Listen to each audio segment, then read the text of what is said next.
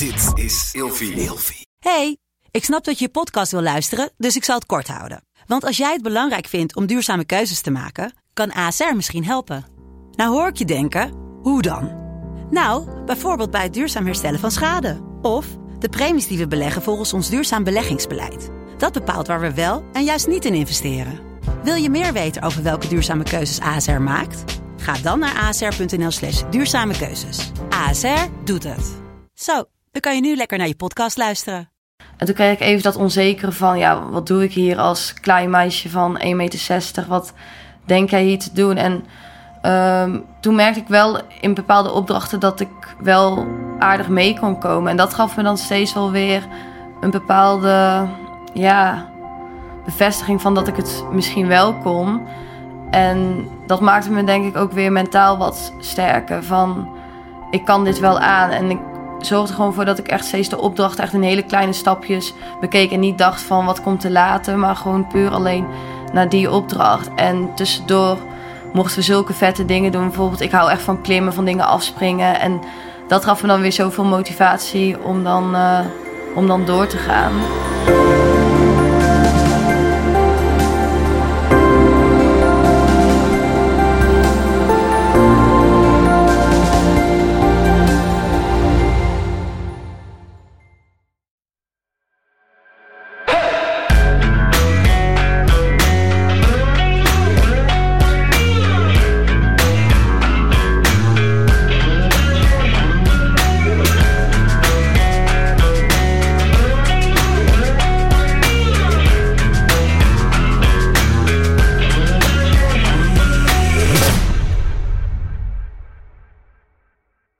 Alles rolt weer. Welkom bij een nieuwe aflevering van Scherpschutters. Uh, heel veel zin in vandaag. Tegenover mij zit uh, Kendra, wel bekend uh, van Kamp van Koningsbrugge.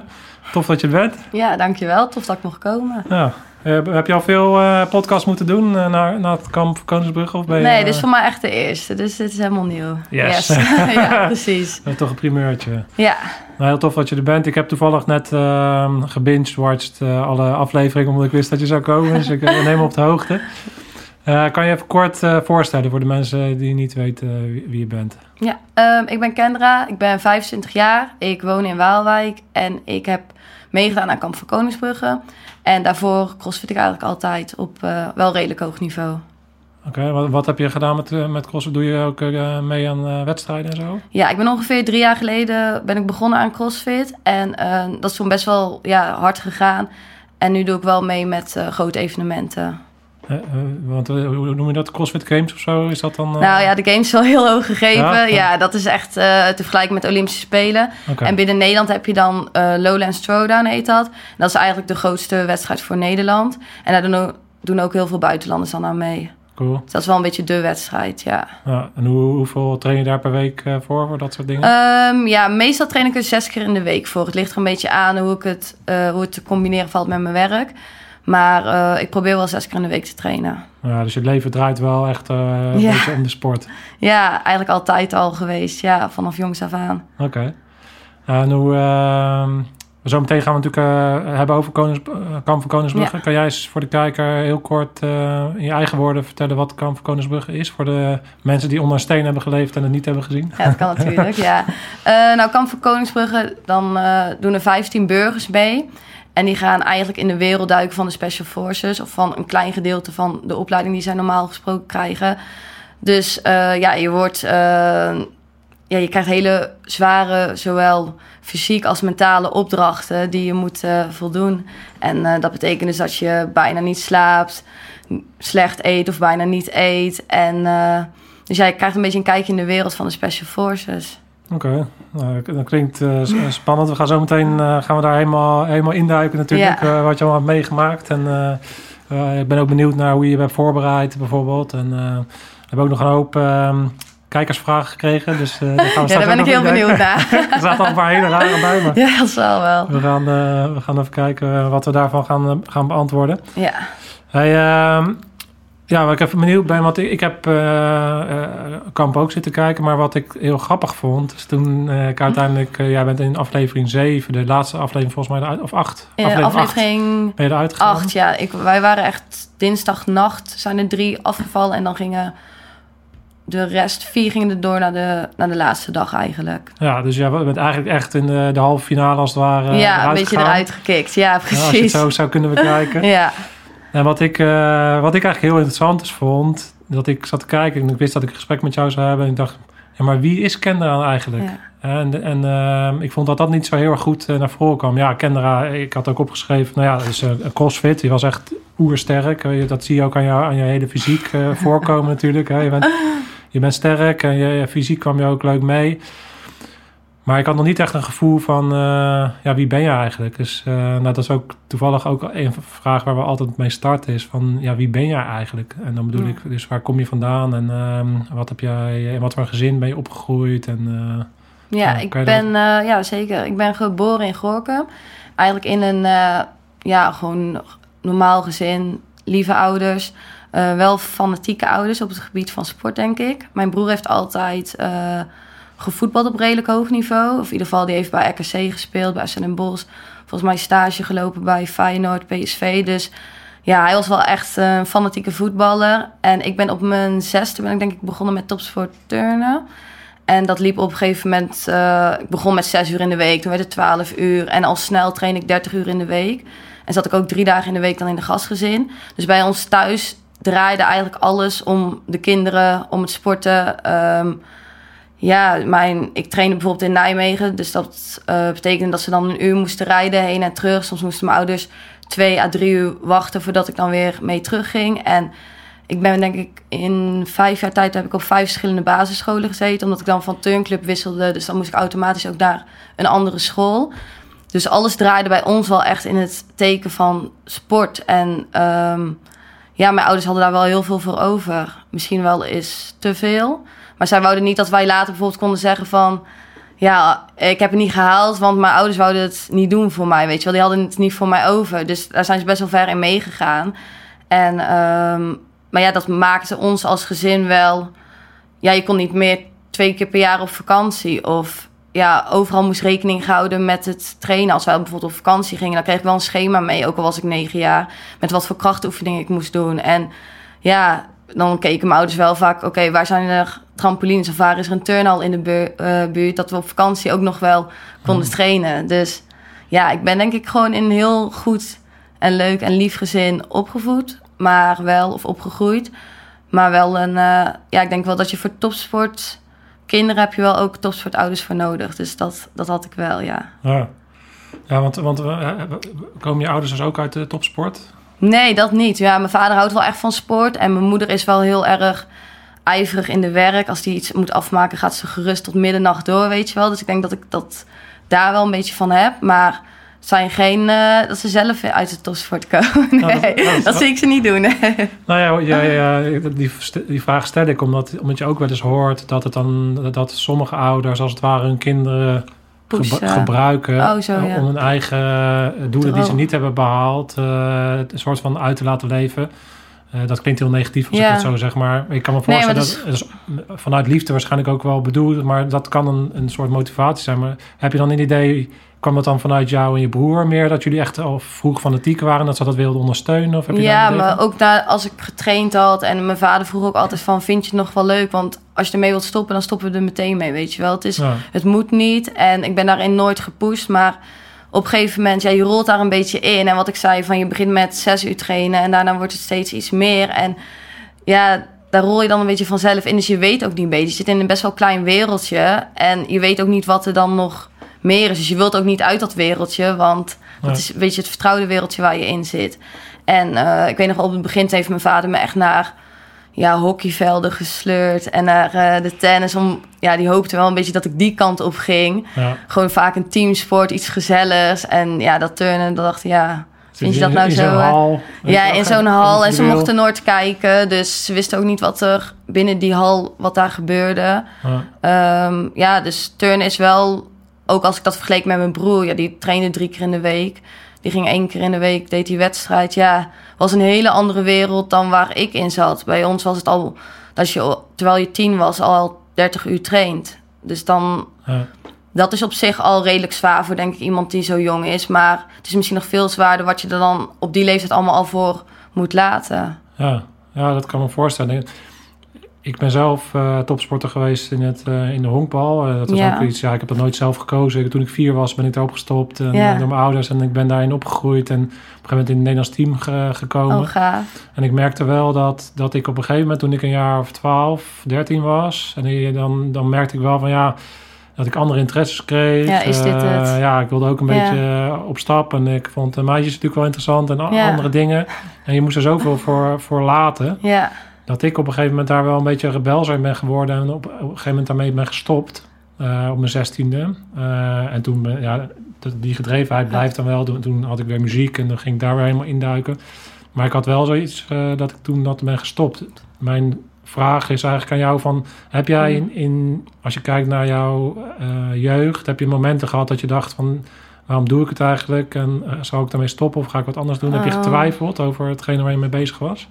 Ja, ik denk dat turnen, topsport ook gewoon niet echt per se heel leuk is. Of in ieder geval, ik riep toen ook altijd tegen mijn moeder van... als ik ooit een kind krijg, die mag nooit op turnen, weet je wel. Ik doe dat diegene niet aan. Dus of ik het echt heel leuk vond, dat weet ik niet. Maar ja, zoals ik al zei, ik wist ook niet echt beter. En toen op een gegeven moment...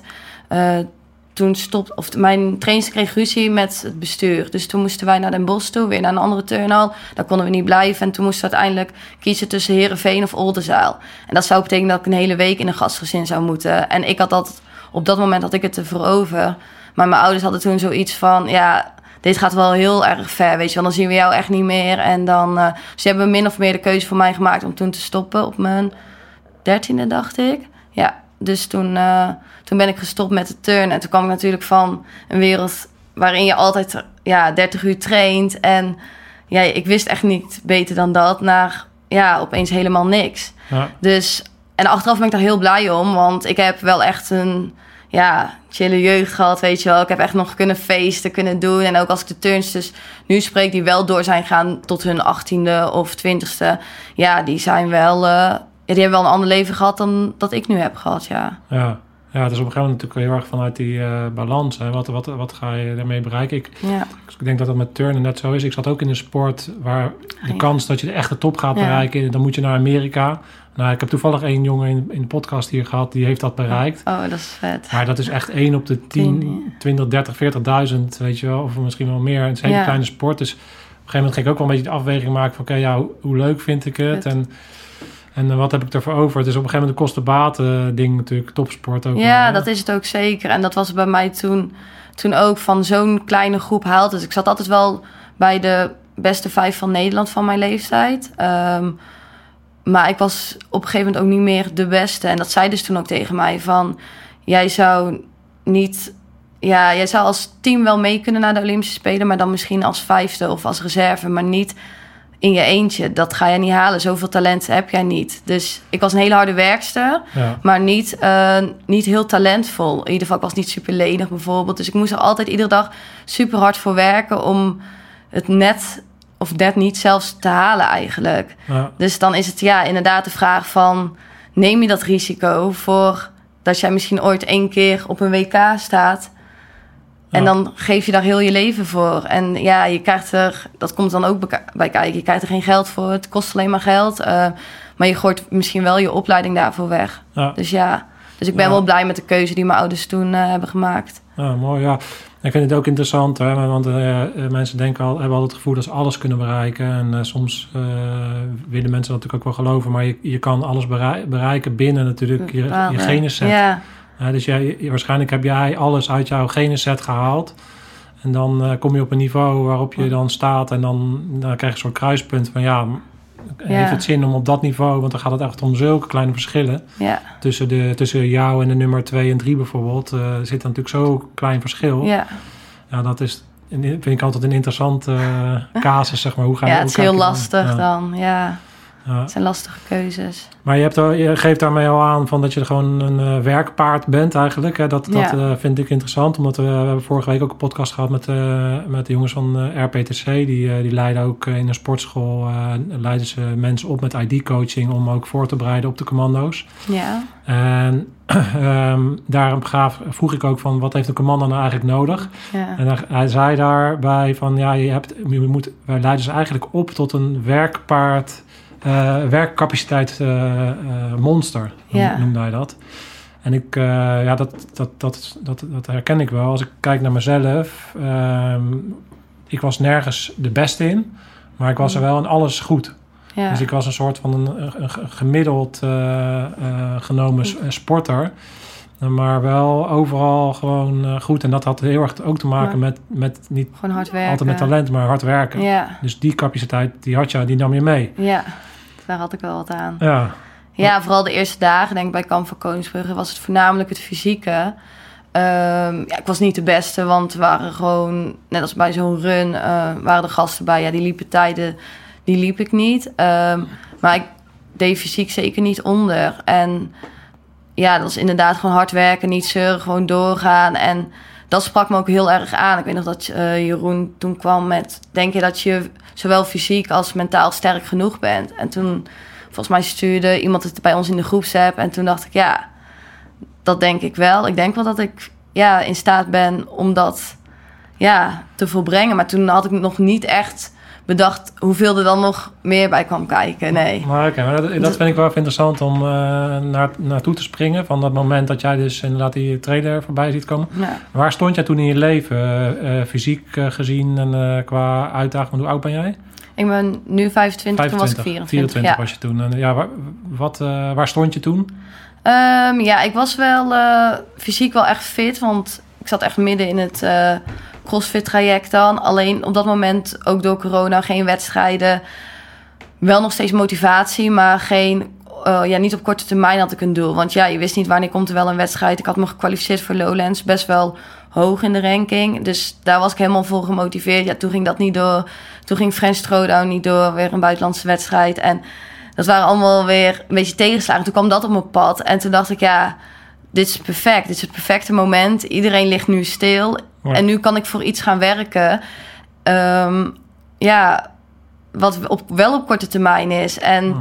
het waren ook echt wel... Ik ben, als ik naar CrossFit kijk, ben heel goed in gymnastics. En weightliften kan ik ook wel aardig. Maar cardio in echt duurlopen, ja, daar ben ik echt verschrikkelijk in. Dus toen had ik ook een beetje zo'n stok achter de deur van... Als ik daaraan meedoe, dan moet ik nu wel daarvoor gaan trainen. Ja. Dus uh, ja, ik was wel heel fit, uh, fit maar ja, ik had ook wel echt een korte termijn doel, denk ik, nodig. Dus het kwam eigenlijk ja, op het goede moment. Dus het was eigenlijk ook een soort praktisch uh, ding in, in, je in de situatie? Ja, misschien wel. Maar, maar dan, oké, okay, dus dan een sportief doel. Ja. Was, dat, was dat het enige wat je aantrok, het sportieve eraan? Nee, ja, voornamelijk het mentale. Daarvoor had ik het gedaan. Want um, ja, als, ook als ik bij crossfit-wedstrijden kijk, dan ik ben altijd heel zenuwachtig. Ik slaap meestal heel dat weekend niet. Uh, tussen de wedstrijden door dan. Die nachten slaap ik dan ook niet. En dan begin ik ook aan mezelf te twijfelen van... Oké, ik heb slecht geslapen, dus ik ga slecht presteren, weet je wel. En toen dacht ik, nou ja, daar slaap ik waarschijnlijk niet of slecht. Dus dan weet ik ook hoe dat voelt. En uh, ja, ik was gewoon heel erg benieuwd hoe ik zou reageren van... als je tegen iemand zou moeten boksen, zou ik dat aandurven, weet je wel. Uh, sta ik dan nog echt mijn mannetje of ja, durf ik dan niet meer? En met een gijzeling, ik wist niet dat het zou komen... maar ik had wel verwacht dat zoiets zou komen van... in hoever ja, ga ik, weet je wel. En, en niet, bij CrossFit is alles best wel... of bij topsport sowieso is alles gewoon mooi geregeld. Je wordt goed verzorgd, je weet... Kijk, als ik een wedstrijd heb, dan regelt mijn trainer alles voor me. Ik hoef eigenlijk niet na te denken, ik hoef niks te doen. Um, ik moet alleen op dat moment de workout goed doen. En daarna regelen zij weer alles voor mij.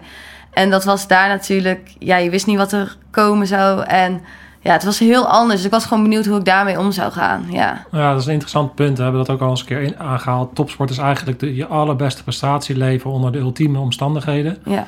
En ja, het werk bij de, bij de Special Forces is eigenlijk je ultieme uh, prestatie leveren onder de minst uh, ja. ideale omstandigheden. Dus dat is, dat is best wel een andere omstandigheid. Dat is echt een, ja, het is eigenlijk niet met elkaar te vergelijken. En ook toen ik de eerste dag had meegemaakt, je bent een dag heb je, toen hadden we iets van drie zware opdrachten gedaan. En normaal gesproken doe ik ook bij CrossFit drie zware workouts op een dag. Maar dan ga je daarna inderdaad ga je goed slapen. Dan is je herstel weer goed. En daar gingen we heel de nacht door met lopen met een rugzak. En toen, dus op dag twee voelde ik me eigenlijk al zo ellendig. Zo ellendig had ik me nog nooit gevoeld, denk ik. En dan zit je pas op dag twee. Dus ik voelde me ook helemaal niet meer, niet meer fit. Ik kon helemaal niet meer vertrouwen op hetgeen waar ik normaal wel vertrouwen in had. Van oké, ik ben sterk, ik ben fit. Nee, ik voelde me gewoon op dag twee al in een soort overlevingsstand van... Ja, ik ben helemaal niet fit, weet je wel. Dat gevoel had ik toen wel heel erg.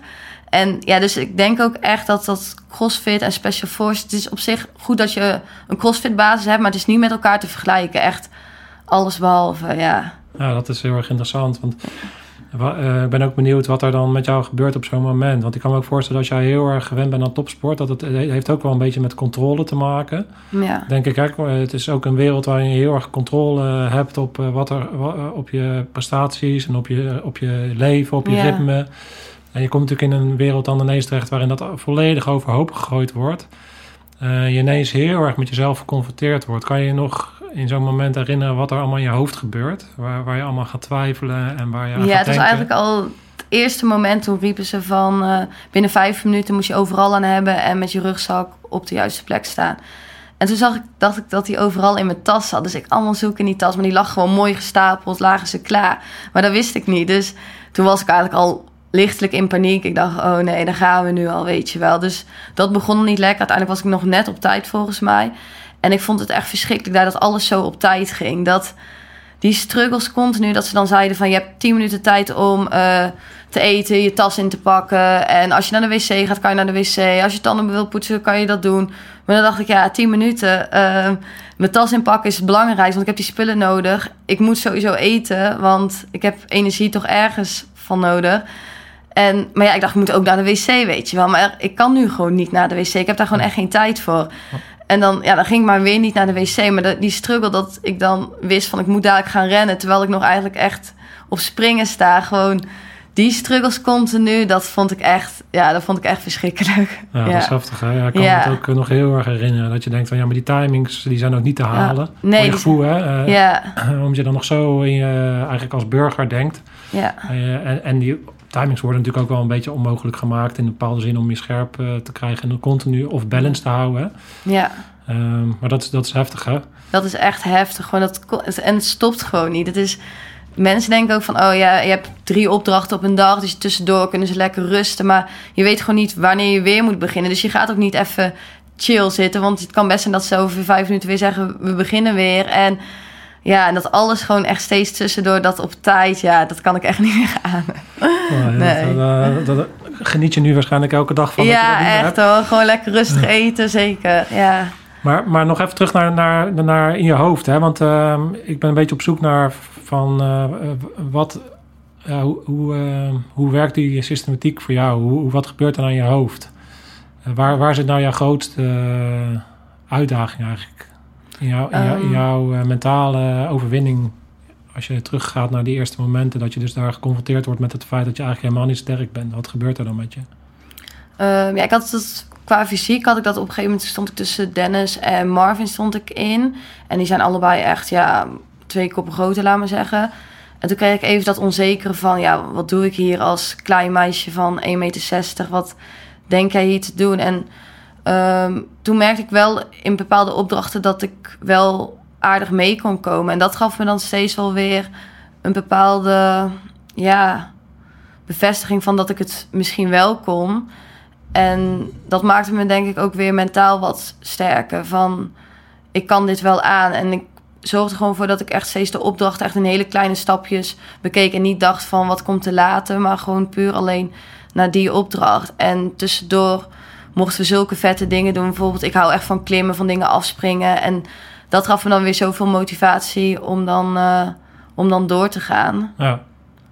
Ja, dus dan uh, elke keer weer een soort van uh, dat je een beetje teruggeworpen werd en onzeker werd, maar dan toch, toch weer toch.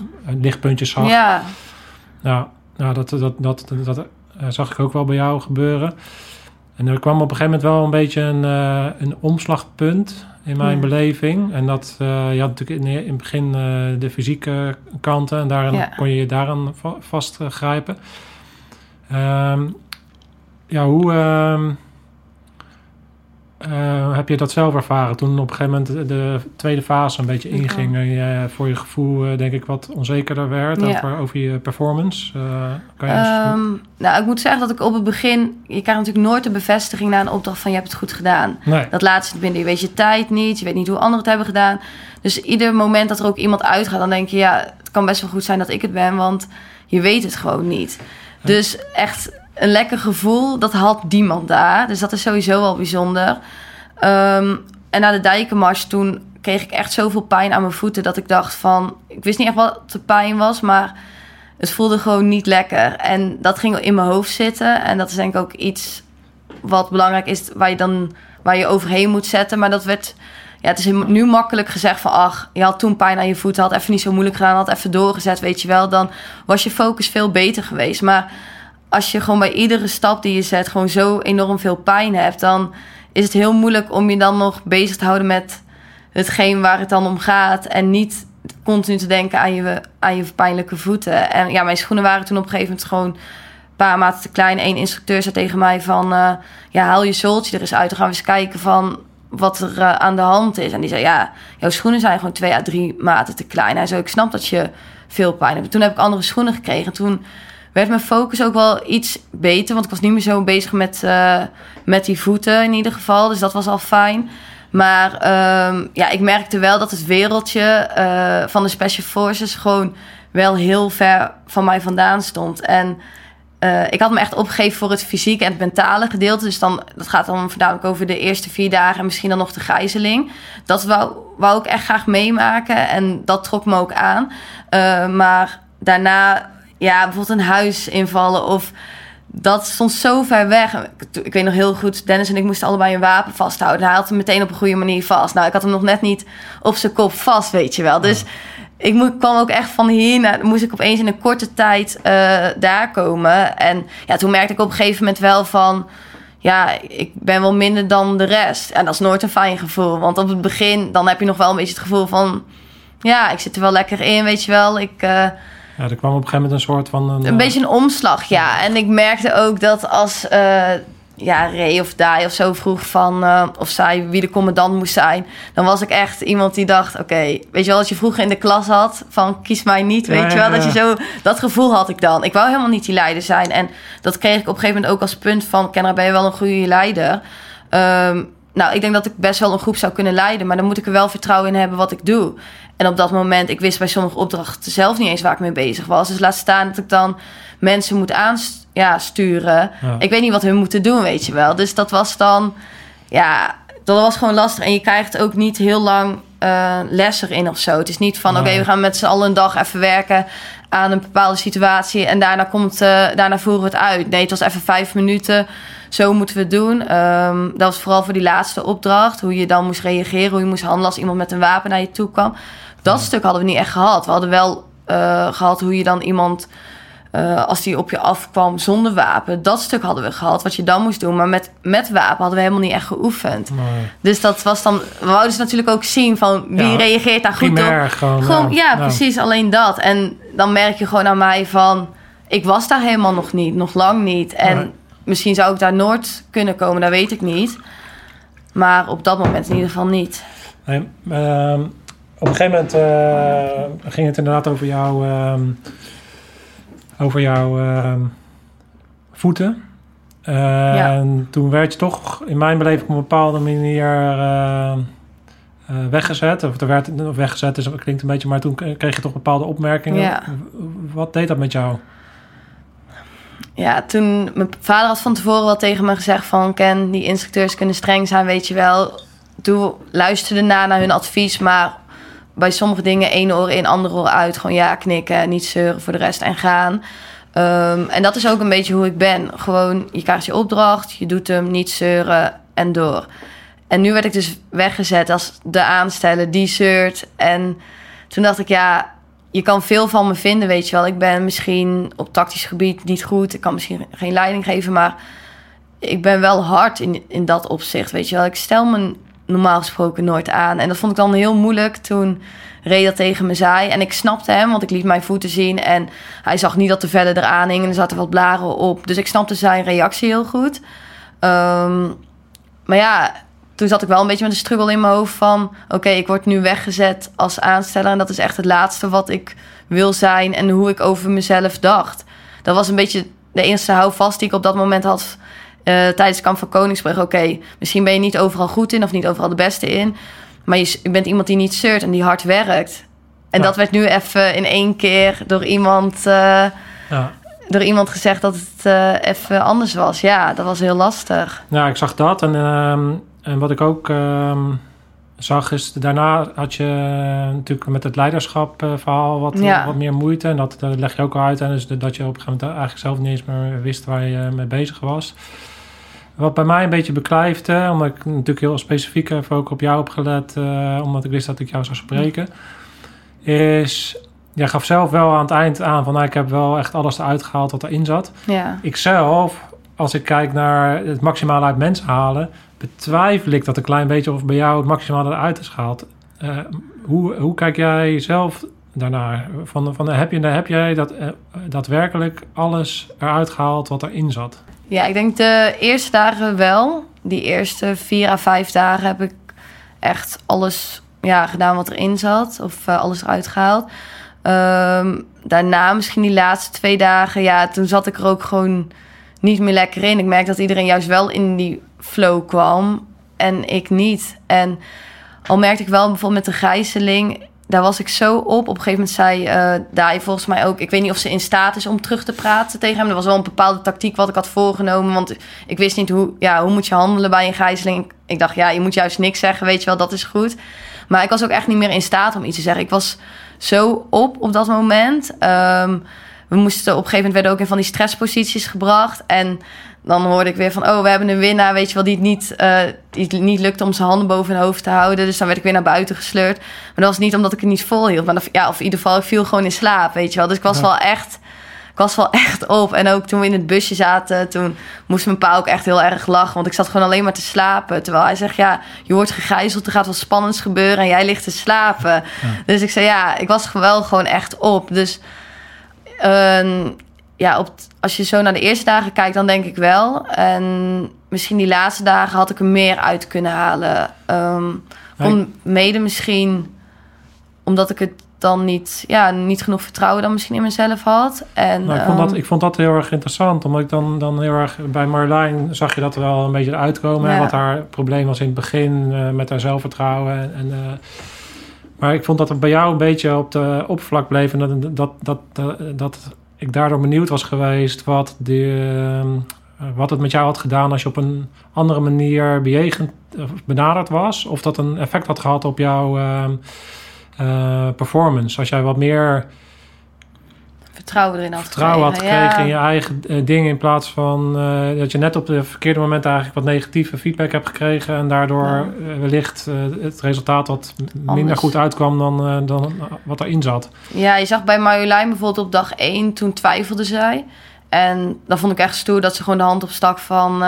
ja, weet je, ik weet niet of dit het is. En ja, ik moet misschien naar huis. En toen kreeg ze volgens mij wel van Dai of Ray, ik weet niet meer eens wie het zei, maar wel iets van een complimentje van. Maar je doet het hartstikke goed. Uh, ja, ga gewoon door. Wij hebben vertrouwen in dat jij het kan. Dus pak je spullen en uh, ga weer door. Weet je wel. Dat geeft voor jezelf dan, denk ik, op zo'n moment, als je heel erg twijfelt, toch een lekker gevoel. Je zit er toch weer even lekker in. En ik had die bevestiging, heb ik nooit gehad. Dus maar, dan. Um, en vooral, ik werd halverwege dan inderdaad met die voeten, waar ik dan zelf een heel groot ding van maakte, ook in mijn hoofd. En dan werd dan door iemand anders dan nog even gezegd van je bent een aansteller. Ja, dat heeft niet geholpen natuurlijk aan mijn die dagen die daarna kwamen. Misschien als ik wat meer vertrouwen had gekregen. Um, had, had, had ja. je daar zelf uh, anders in kunnen handelen? Want uiteindelijk uh, denk ik ook dat misschien jouw kracht, maar ook uh, dat, ook, dat het uiteindelijk ook wel een beetje tegen is gaan werken. En dat is het feit van ben jij in staat om je kwetsbaar op te stellen? Of vind nee. jij dat kwetsbaar opstellen een zwakte is? Um, ja, zo ging ik er wel echt in. Ik dacht, um, ik moet hoe dan ook gewoon geen emoties tonen, sterk zijn. Um, ja, emotie is een zwakte. Dat vond ik toen wel. Dus... En ik wist ook niet dat het bespreekbaar zou kunnen zijn met een instructeur. Dus Nee. ik dacht, ik heb het programma heel anders beleefd. Heel anders, toch wel anders beleefd toen ik het op tv zag dan hoe ik het gevoeld heb. Ik had helemaal niet het idee dat er, dat er iets van een compliment uitgedeeld kon worden, weet je wel. En ja, ik zou nooit mijn hand op hebben gestoken van ik twijfel of ik... ehm, ja, ik ben niet zeker van mezelf. Nee, dat, dat zou ik dan voor mezelf op dat moment wel als zwak hebben gezien. Ja, Dus dat doe ik dan niet. Dat is denk ik iets wat, hoe ik ook opgevoed ben dan. Van, ja, ook als wij vielen bijvoorbeeld, dan, dan kwamen mijn ouders niet naar me toe om me op te rapen. Nee, dan was het gewoon, sta zelf op en alsjeblieft niet zeuren, weet je wel zo. Dus ja, dat, ja, ik denk dat ik dat misschien anders zelf had kunnen doen, ja. ja. Nou, dat, dat, eh, ja, dat- ik vind dat heel interessant. Omdat ik denk dat eh, dat, dat uiteindelijk eh, tegen je is gaan werken. Ja, in zo'n setting. Dus als je, als je daarnaar terugkijkt, dan is het misschien interessant om te kijken van... Ja, zijn er momenten waarop ik mezelf wat meer kan openstellen... Ja. waardoor ik toch mijn, mijn resultaten eigenlijk ehm, eh, ga verbeteren. En ik denk dat daar wellicht jouw grootste leerpunt zou kunnen liggen... als je kijkt naar dit programma. ja zeker. Dat had ik ook. Of van, als ik iets anders had moeten doen, dan had ik gewoon eerder aan moeten geven waar ik op dat moment mee in mijn hoofd zat, waar ik onzeker over was. En dan hadden ze misschien wel meteen een oplossing voor mij kunnen vinden, weet je. Want dan hadden ze misschien meteen andere schoenen voor mij kunnen regelen. Ja, En dan had ik die struggle tenminste helemaal niet meer gehad. En ook misschien bij het leidinggeven waar ik dan onzeker over was, misschien daar ook gewoon tips in vragen van hoe kan ik het anders doen of hoe. Maar nee, dat, eh, dat kwam niet in me op toen, nee. Nee, het is ook helemaal niet zo dat, dat je natuurlijk met, eh, op een bepaalde manier hoeft terug te kijken... had ik maar anders. Nee. Maar het is wel interessant natuurlijk om eh, precies van... oké, wat, wat, wat leidt er naartoe? Wat zit er primair in mij? Wat aan de ene kant goed is, hè, zelf opstaan Ja. is altijd goed... maar er zijn natuurlijk ook momenten in het leven dat je eigenlijk betere resultaten eh, zal eh, behalen... op het moment dat je je wat kwetsbaarder open, Ja. openstelt... en wat connectie zoekt met de mensen om je heen... en aangeeft waar, waar je mee strukkelt Ja, omdat dat helemaal geen zwakte is, maar meer een opening om, om mensen aan te geven waar je mee zit. En dat je daar dan op het juiste moment wellicht wat aangeraakt krijgt, waardoor je resultaten beter worden. ja, ja, dat is zeker waar. Dus dat, dat vond ik een interessante. En toen ik naar jou zat te kijken, van, eh, volgens mij zit daar een hele harde achterkant in. Jouw hele fysiek is natuurlijk al vrij eh, eh, hard. En ik, ik heb toch het, het idee dat, dat Marjolein, door het feit dat zij dat allemaal niet had... had. en daar, dat zij uiteindelijk toch dat, die Ja. gunfactor heeft gekregen... terwijl jij dan misschien eh, op die manier dus bent weggezet voor iets wat denk ik niet helemaal Wat terecht fair was, was. ja. Ja, Maar- kijk, sowieso heel maar wel veel... te begrijpen hoor, vanuit de instructeurs Ja. en zo is helemaal, eh, snap ik dat ook wel.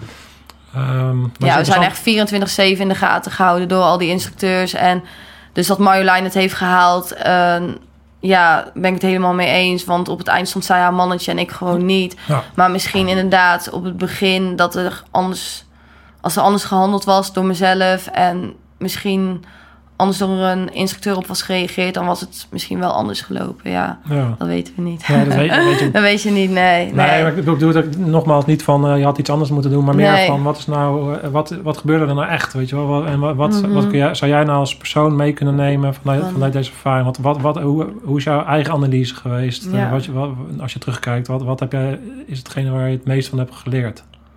Mm, ja, dat vond ik dus wel heel lastig. Want aan de ene kant wou ik zeggen van...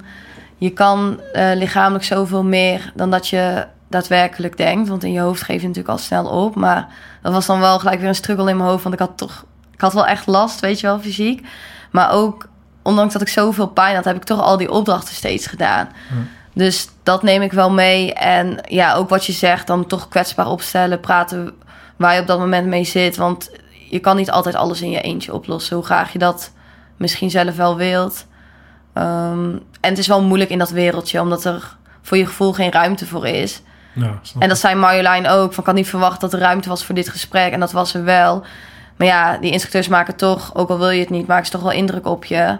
Dus dan ga je niet zomaar meteen dag één met eh, een paar blaren, kom je daar naartoe. Nee, nee. Dus, Nee, dat, dat, eh, dat herken ik ook hoor. Ja. Als je er terug- op terugkijkt, is allemaal makkelijk praten. Maar als Ja. je er middenin zit, dan eh, denk je, wow, dit is best wel een harde wereld. En Ja. eh, ondanks dat ze eh uitera- aan het eind, dat je als je terugkijkt wel ziet van ze zijn wel benaderbaar en ze zijn eigenlijk vrij relaxed. Want zij hebben zich overduidelijk Ja, vrij relaxed opgesteld hoor. Want in het echt zal het in- nog wel minder ja, dat zijn. geloof ik wel. Ehm, maar dat is, ja, dat is wel interessant eh, om dat naar te, kijken. Wat, wat, wat ik nog, het laatste dingetje wat ik eventjes vanuit het programma nog interessant Ja. vond, is wat er met jou gebeurde in dat, in dat scenario. Eh, want jij, eh, voor degenen die het niet hebben gezien, jij komt op een gegeven moment een ruimte binnen. eh, je bent overduidelijk heel erg moe, want je bent moe gemaakt. En dan moet je gaan handelen. Ja. En dan doe je met name iets heel bijzonders, waarop je eigenlijk op een gegeven moment je hoofdbewapening weghangt. En je, je wil je backup bewapening pakken, omdat je iemand wil boeien. Ehm, en dan pak je hem wel, maar dan pak je hem niet. En dan gebruik je je handen om, Oh, om ik te, weet helemaal niet waar het over om te schieten. Daar wilde ik niet over hebben. Ja, dat klopt. Ja, we hadden dat die avond tevoren hadden we dat zo geleerd. Echt binnen 10 minuten kregen we een soort van... Ja, hoe je dat dan moest doen. En dan moest het inderdaad met je handen doen. Want we hadden dat wapen toen nog helemaal niet. En voordat ik op moest, vroeg ik aan een van mijn medekandidaten... van hoe krijg je dat wapen eruit? Want dat was een bepaald kliksysteem. Zei hij van, nee, ja, ik doe dat ook niet. Je moet gewoon eh, doen alsof je hem pakt. Hoe we het hebben geleerd. En ja, super dom als ik daar achteraf op terugkijk. Maar ja, zo ging ik wel die opdracht in. Dus ik hield me ook gewoon... Ik ging Engels en Nederlands ook door elkaar Ah. praten. Ik hield me zo vast aan hetgeen wat ik die dag ervoor had geleerd. En ja, dus ik paste dat gewoon heel netjes toe. En ik praatte ook veel te zacht. Het was allemaal niet... Het kwam niet duidelijk over. Want ik was zelf niet ja, helemaal 100% zeker van of ik het goede deed. Dus het kwam niet, niet helemaal over. En dat zie je dan hun reageren. Die acteurs reageren daar natuurlijk weer op door dichterbij te komen. Ja. En volgens mij deed ik uiteindelijk wel de goede handelingen. Alleen alles veel te traag, veel te ja, afwachtend. eh, Nou, het is, ja, ten eerste hoef je er absoluut niet voor te schamen wat daar gebeurt. Want ik merk dat je dat een klein beetje hebt. Maar dat is, ik heb dingen gezien eh, en ik heb zelf dingen gedaan. Slaapgebrek. En, die, en, en die omstandigheden, dat doet hele Ja, rare dingen met mensen. Ik heb mensen nog veel raardere dingen zien doen dan, dan, dan dat. Oh. Want het is ook heel erg begrijpelijk. Hè? Want je gaat een soort van primaire reactie. En het is gewoon hoe jouw systeem Denk- werkt. Je bent gewoon aan het overleven. En jouw eh, cognitieve eh, functionaliteit neemt eigenlijk helemaal af.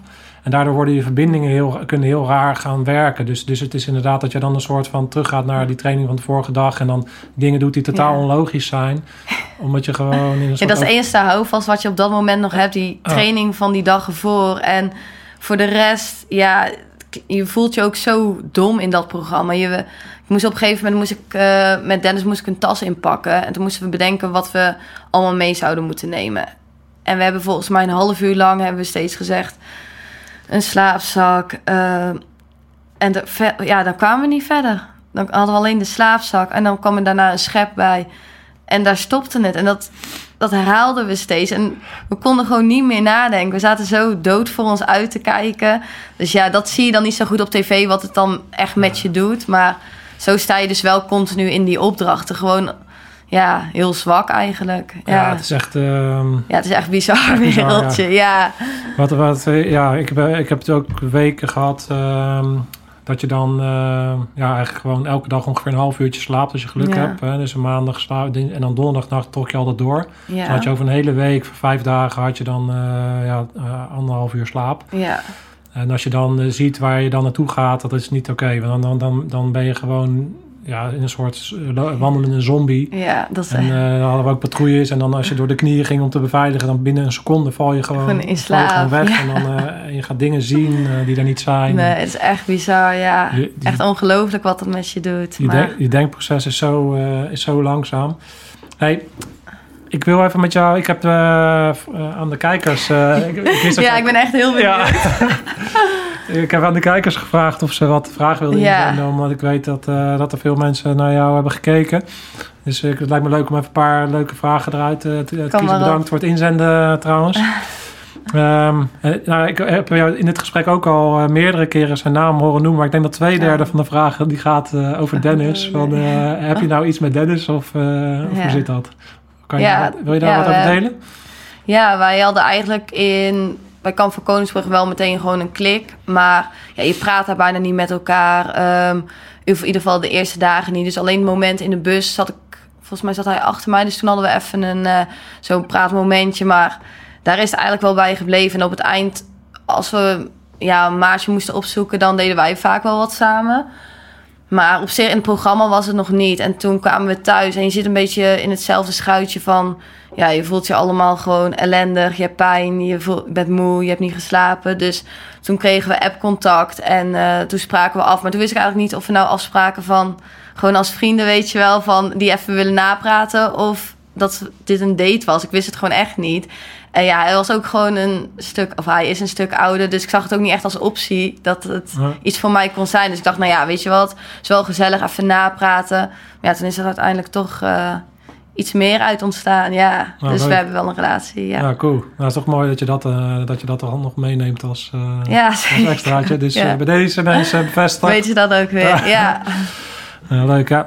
En verder, oh, dit... Um, een aantal vragen. Eens even kijken hoor. Ik heb hier uh, bijvoorbeeld van uh, D. Kouwenhoven. Ja. Wat is jouw visie uh, op vrouwen bij het Corpus Commandotroepen? Um, ja, daar had ik van tevoren al eigenlijk al wel over nagedacht. Toen ik eraan meedeed. Een uh, vriend van mij, Justin, die zit, zat bij, is een oud commando. Dus toen had ik aan een keer aan hem gevraagd van... Kunnen vrouwen er überhaupt bij? En toen zei hij, ja, vrouwen zullen prima passen binnen het team...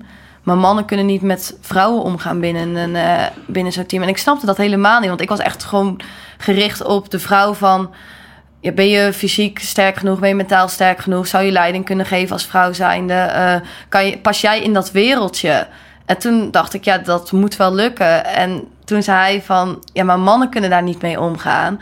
En toen, ja, ik vond het zo'n raar antwoord. En nu heb ik het natuurlijk zelf even een week meegemaakt. Nu kan ik ook alleen maar zeggen hoe ik het heb ervaren. En kijk, ik voelde me echt gewoon gelijk als de mannen. Dus ik had zoiets van: dit is prima. Het is af en toe wat lastiger met plassen of zo, die dingen. Maar voor de rest, ja, dacht ik van: je kan als vrouw zijn prima in dat wereldje functioneren. Maar ja, als, ik weet niet hoe mannen daar ja, over nadenken dan op dat moment. En nu was het natuurlijk maar een week. Maar hoe reageren mannen als, er, als je langer weg bent en Um, ja, volgens mij zijn ze daar ook heel hard mee bezig nu om te kijken van hoe past een vrouw ja, bij de Special Forces. En ik denk dat ze daar ook nog wel uh, een tijdje mee bezig zijn voordat dat helemaal.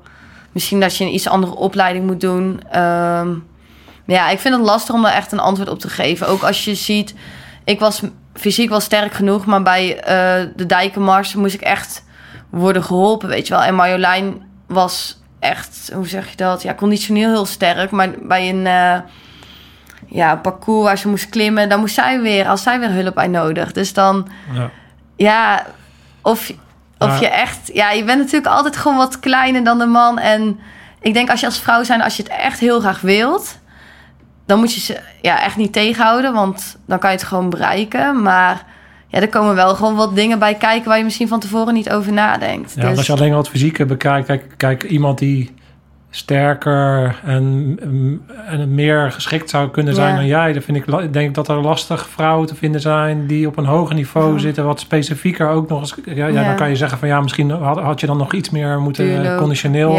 Wat als je de ideale mix zou hebben, zou je Marjolein en mij samenvoegen en dan heb je de perfecte. Maar ja, zoek die maar. Ja, daar ben ik dan wel heel eerlijk in. Die ga je niet vinden. Nou ja, misschien, niet snel. misschien wel. Maar ik denk dat de percentage heel laag is. Ja, dus dat is een hele kleine uh, groep die dat, uh, die dat aan kan. En dan moet je het ook nog eens willen. Um, nou, ik denk, ik denk dat, eh, ja, dus dat is het fysieke en, en voor de rest, ja. ja. we hebben het wel vaker besproken in de podcast, maar je, maar je houdt natuurlijk ook het biologische factor van de man en vrouw willen ja. beschermen. En als je in zo'n groep zit, krijg je toch een beetje, natuurlijk, en dat bedoelt het, bedoel, daar denk ik met mannen kunnen Ja, daar niet mee omgaan. En nu was het natuurlijk een weekje wat ik heb ervaren, dus op een gegeven moment zei volgens mij uh, Tom C. van... ik snap niet hoe jullie dit als meiden of als vrouwen kunnen doen, weet je wel. Wij hebben het al fysiek zo zwaar, hoe waarom staan jullie nog op je benen, weet je wel? Die snapte dat al helemaal niet, dat wij dat als vrouw deden. En toen had ik pas het eerste moment dat ik dacht, wow, wij staan hier als twee meiden staan wij hier gewoon tussen. Maar daarvoor voelde ik me gewoon gelijk. Ah. Maar ja, inderdaad, als je langer weg bent en je gaat wat verder over nadenken, ja, dan is het misschien een ander verhaal. Terwijl het misschien wel heel goed zou zijn ja. op sommige. En je ziet, en, en, er gaan natuurlijk relaties ontstaan, want dan anders. Ja, dus misschien moet je er gewoon niet aan beginnen. Nee, misschien moet je niet aan beginnen, nee. we gaan zien hoe dat allemaal eh, loopt. Ik kreeg hier ook de vraag, hoe doe je dat met een... Je zei net over plassen, hier ook over... Oh. Hoe, doe je dat met menstruatie? Nou, ik, oh, hoef, ik hoef het niet te oh, weten. hoef je niet te weten, ik had mijn antwoord al klaar. Nee. nee. Uh, uh, dus. dus, snel door, snel door. Ja. Hey, wat wat we, ja, doe hebben we over, over gehad. Uh, nog last van je voetjes krijg ik hier van uh, Robin Versluis. Oh. Heb je nog last van je voeten? Of nee, ze zijn weer helemaal, helemaal uh, top. Helemaal top. Alright. Uh, hoe heb je je voorbereid en uh, heb je kennis ingewonnen bij militairen? Nou, je hebt dus blijkbaar Ja. gepraat, met iemand die uh, ook oud-commando was. Heb je, hoe heb je globaal even voorbereid? Uh, nou, we wisten denk ik twee maanden van tevoren had ik me opgegeven. Um, ik denk een maand à drie weken van tevoren kregen we dan te horen dat we daadwerkelijk meegingen. Dus de voorbereidingstijd was niet heel lang. Wat ik toen heb gedaan, uh, ik moest toen gewoon werken. Dus toen zette ik s'nachts mijn wekker. Het was toen ook echt iets van ja, 36 graden of zo. Dus het was echt warm om toen te gaan lopen. En toen ging ik dan steeds s'nachts met een, uh, ja, met een zware tas ging ik dan... Uh, ging buiten lopen in mijn eentje. Of dan met, uh, met die vriend van mij. Dan deden we het samen. Okay. En uh, ik weet nog heel goed dat ik de eerste keer... Ik had verwacht namelijk dat we acht kilometer zouden moeten rennen binnen 50 minuten. Dus daar wou ik voor trainen. Um, toen de eerste keer ja, was ik na drie kilometer was ik helemaal klaar. Ik kon geen stap meer zetten. Toen dacht ik, ja, toen sloeg de paniek al een beetje toe. Toen dacht ik, ja, ik ben er helemaal niet voor gemaakt. Dit gaat me nooit lukken. Maar ja, toen iedere keer kwam er dan één kilometer bij. En uiteindelijk had ik precies acht kilometer in uh, ja, 49 minuten en uh, 50 seconden of zo. Dus het was echt net gehaald. Ja. Toen had ik ook weer een beetje vertrouwen. Um, ja, dus zo had ik mijn fysiek voorbereid. Want ik dacht, qua kracht zit ik wel goed. Maar het is echt het uh, lopen. Achteraf had ik nog veel meer meters moeten maken natuurlijk.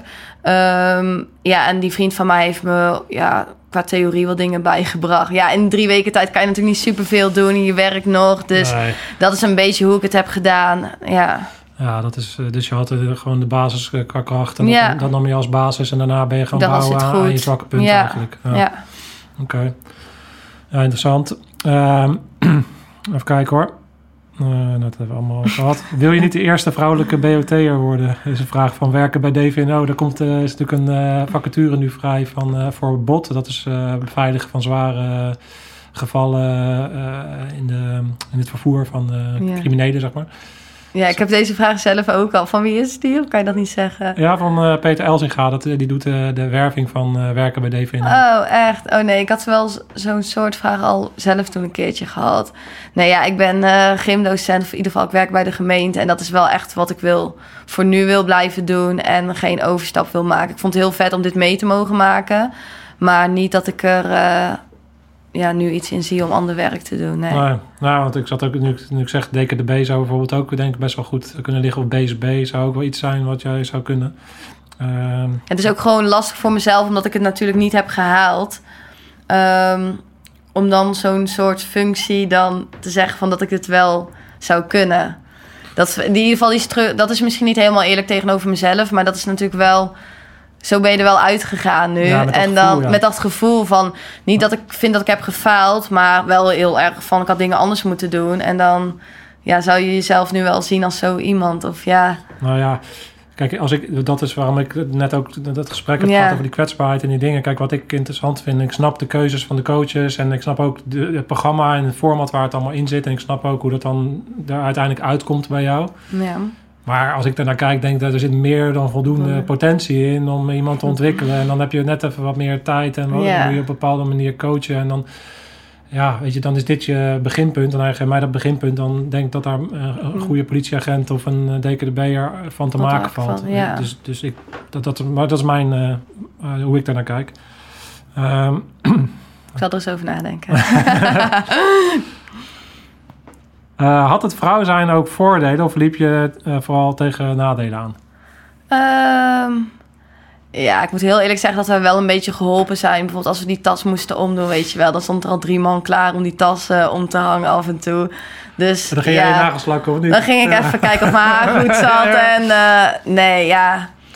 Voor de rest heeft het niet veel uitgemaakt of je een man of een vrouw was. Ja, met plassen was het inderdaad van... Dan kregen we allemaal anderhalve minuut. Maar ja, wij moesten wel de, eh, overal uitdoen. Dat duurde dan net iets langer. Ja, maar dat zijn kleine dingen. Voor de rest maakt het echt niet, eh, niet heel veel uit, nee.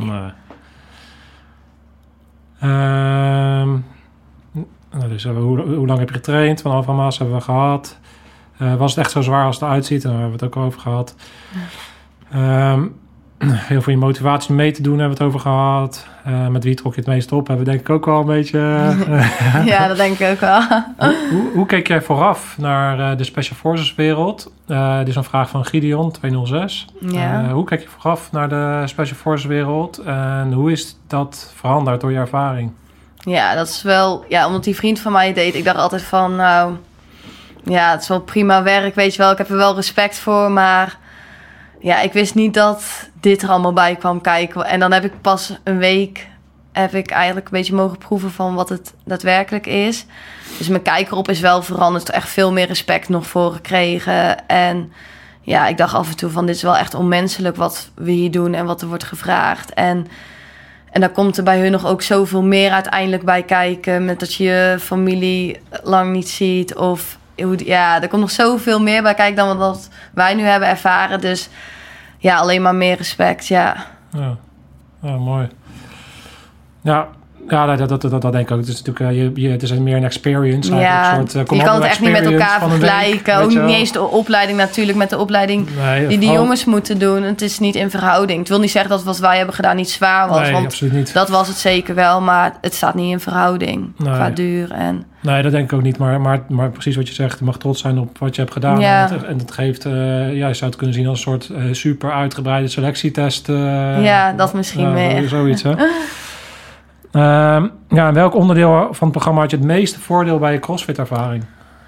Um, ja, ik denk op het begin was een beasting. Dan moest je gewoon ja, sprinten, dan weer rust, dan allemaal koprollen maken. Of oh nee, gewoon rollen, uh, tijgeren. Ja, dat is allemaal met even hard werken, dan weer rust. Dat is een beetje hoe CrossFit ook wel gaat. Dus daar ging ik wel lekker op. En de hindernisbaan. Ja. Dat... Uh, daar heb je dan toch wat kracht bij nodig. En het uh, duurt niet zo lang. Dus uh, nee. je bent er weer zo van af. Nee, daar ging ik al goed op. Ja, en ik heb geen hoogtevrees. Dus alles met, oh ja, het klimmen, die toren in. Ja, dat ging me ook gewoon heel, uh, heel makkelijk af. Ja. ja. daar heb je dan toch wel op een gegeven moment... Ja, ik trok mezelf dan gewoon op, maakte zo'n muscle-up dan. En dan was ik er eigenlijk al. En dan zag ik wel de andere meiden waren daar wat meer aan het stuntelen, ja. ja. Ja, ik zat laatst op Netflix uh, dat uh, Beastmaster te kijken. Heb je Ja. gezien? Daar dan moest ik dan denken van, nou, daar zou je aan mee moeten doen. eh. Oh, dat heb ik nog nooit gezien. Nou, moet je maar eens kijken. Oh, Be- dan- Beastmaster. Is wel een soort eh, mega ehm, hindernisbaan. En dan gaan Oh, allemaal ja. landen tegen elkaar strijden. Dat is best wel vet. Oh, dat is wel tof, ja. Ik wil heel even eh, afsluitend eh, een beetje vooruitblikken. Wat, wat, wat heeft het kamp van Koningsbrugge jou gebracht, behalve eh, een, eh, een leuke date? Ehm, en eh, hoe kijk je naar de toekomst? Ehm, ja, wat Kamp van Koningsbrugge mij heeft gebracht. Kijk, ik ben gewoon een crossfitter. Ik zie me niet als nu van Kamp van Koningsbrugge. Ik crossfit, dat is ook gewoon nog steeds een groot deel van mijn leven. En daar wil ik ja, me gewoon op focussen. Dus ik ga nu kijken of er weer een wedstrijd komt. Even afwachten met corona hoe dat doet. En dan, eh, ik zat afgelopen jaar bij de top 10 van de Nederlandse dames. En ik wil gewoon kijken of ik naar de top 5 kan. Dus dat is echt mijn doel. Ehm, ja, voor in de toekomst. Ik vind dat het lastig om te zeggen waar sta ik over zoveel jaar. Of als je vijf jaar geleden tegen mij had gezegd dat ik ja, bij de beste team van CrossFit zou zitten. En dat ik eh, met Kamp van Koningsbrugge mee zou doen. Ja, dan zou ik dat nooit geloven. Dus ja, het kan over vijf jaar kan het weer heel anders zijn. En ik ben ook wel echt iemand die misschien over een jaar wel een hele andere sport weer doet. Dan misschien wel het maximale eruit wilt halen. Oké. Maar het is niet dat ik echt, nee. Elke keer weer een nieuwe top. Want Ja. Als je nu, want je zei van ja, turnen was een- eigenlijk als het teruggaat niet altijd leuk. Kan je nu wel echt genieten van, eh, van de sport? Of hoe, hoe beleef jij nu CrossFit? Ja, bij CrossFit was echt voor het eerst dat ik dan... Dan werd ik wakker en dan had ik gewoon al gelijk zin om te trainen. Ook al kon ik s'avonds pas trainen. En dan haalde ik zoveel voldoening uit. Het kwam gewoon echt... Ja, turnen kwam... Ben ik meer ingerold. En dit kwam dan echt volledig uit mezelf. Ik, ja, ik ging in mijn eentje hardlopen. Ik ging in mijn eentje dingen doen om iets te bereiken, weet je wel. Dus ja, met CrossFit heb ik wel... eh, daar heb ik wel echt veel plezier in, ja. Ja, super. Nou, mooi. Ja, Nou, ik hoop, eh, ik denk dat je voor heel veel, eh, waarschijnlijk voor met name vrouwen, maar voor iedereen een, een inspiratie bent. Dus ik vind het heel dapper van je dat je zo hebt opgesteld en eh, aan zo'n programma hebt meegedaan. ja. En dat je hier wilde aanschuiven vandaag. Dus, eh, Nou, dankjewel. Heel erg bedankt voor het delen van je mooie verhaal. Ja. En, eh, en ik wens je super veel succes met al je doelen. En ik ga je volgen in, eh, in de CrossFit eh, Games over een paar jaar. nou, zo hard gaat het niet hoor. Dat, eh, die zie ik nog niet gebeuren, maar eh, wie weet. Ja, jij ook bedankt. Top. Heb je alles uh, gezegd? Heb, uh, heb, je nog iets toe te voegen? Nee, ik denk, uh, nee? ik denk dat we er wel zijn, ja. Super, ja, dankjewel. Graag gedaan. Right. Hey, mocht je Koningsbrugge nog niet hebben bekeken, ga het vooral kijken. Zeker, zeker interessant. En ehm, tot de volgende week. Right, scherpschutters. Right. Hm?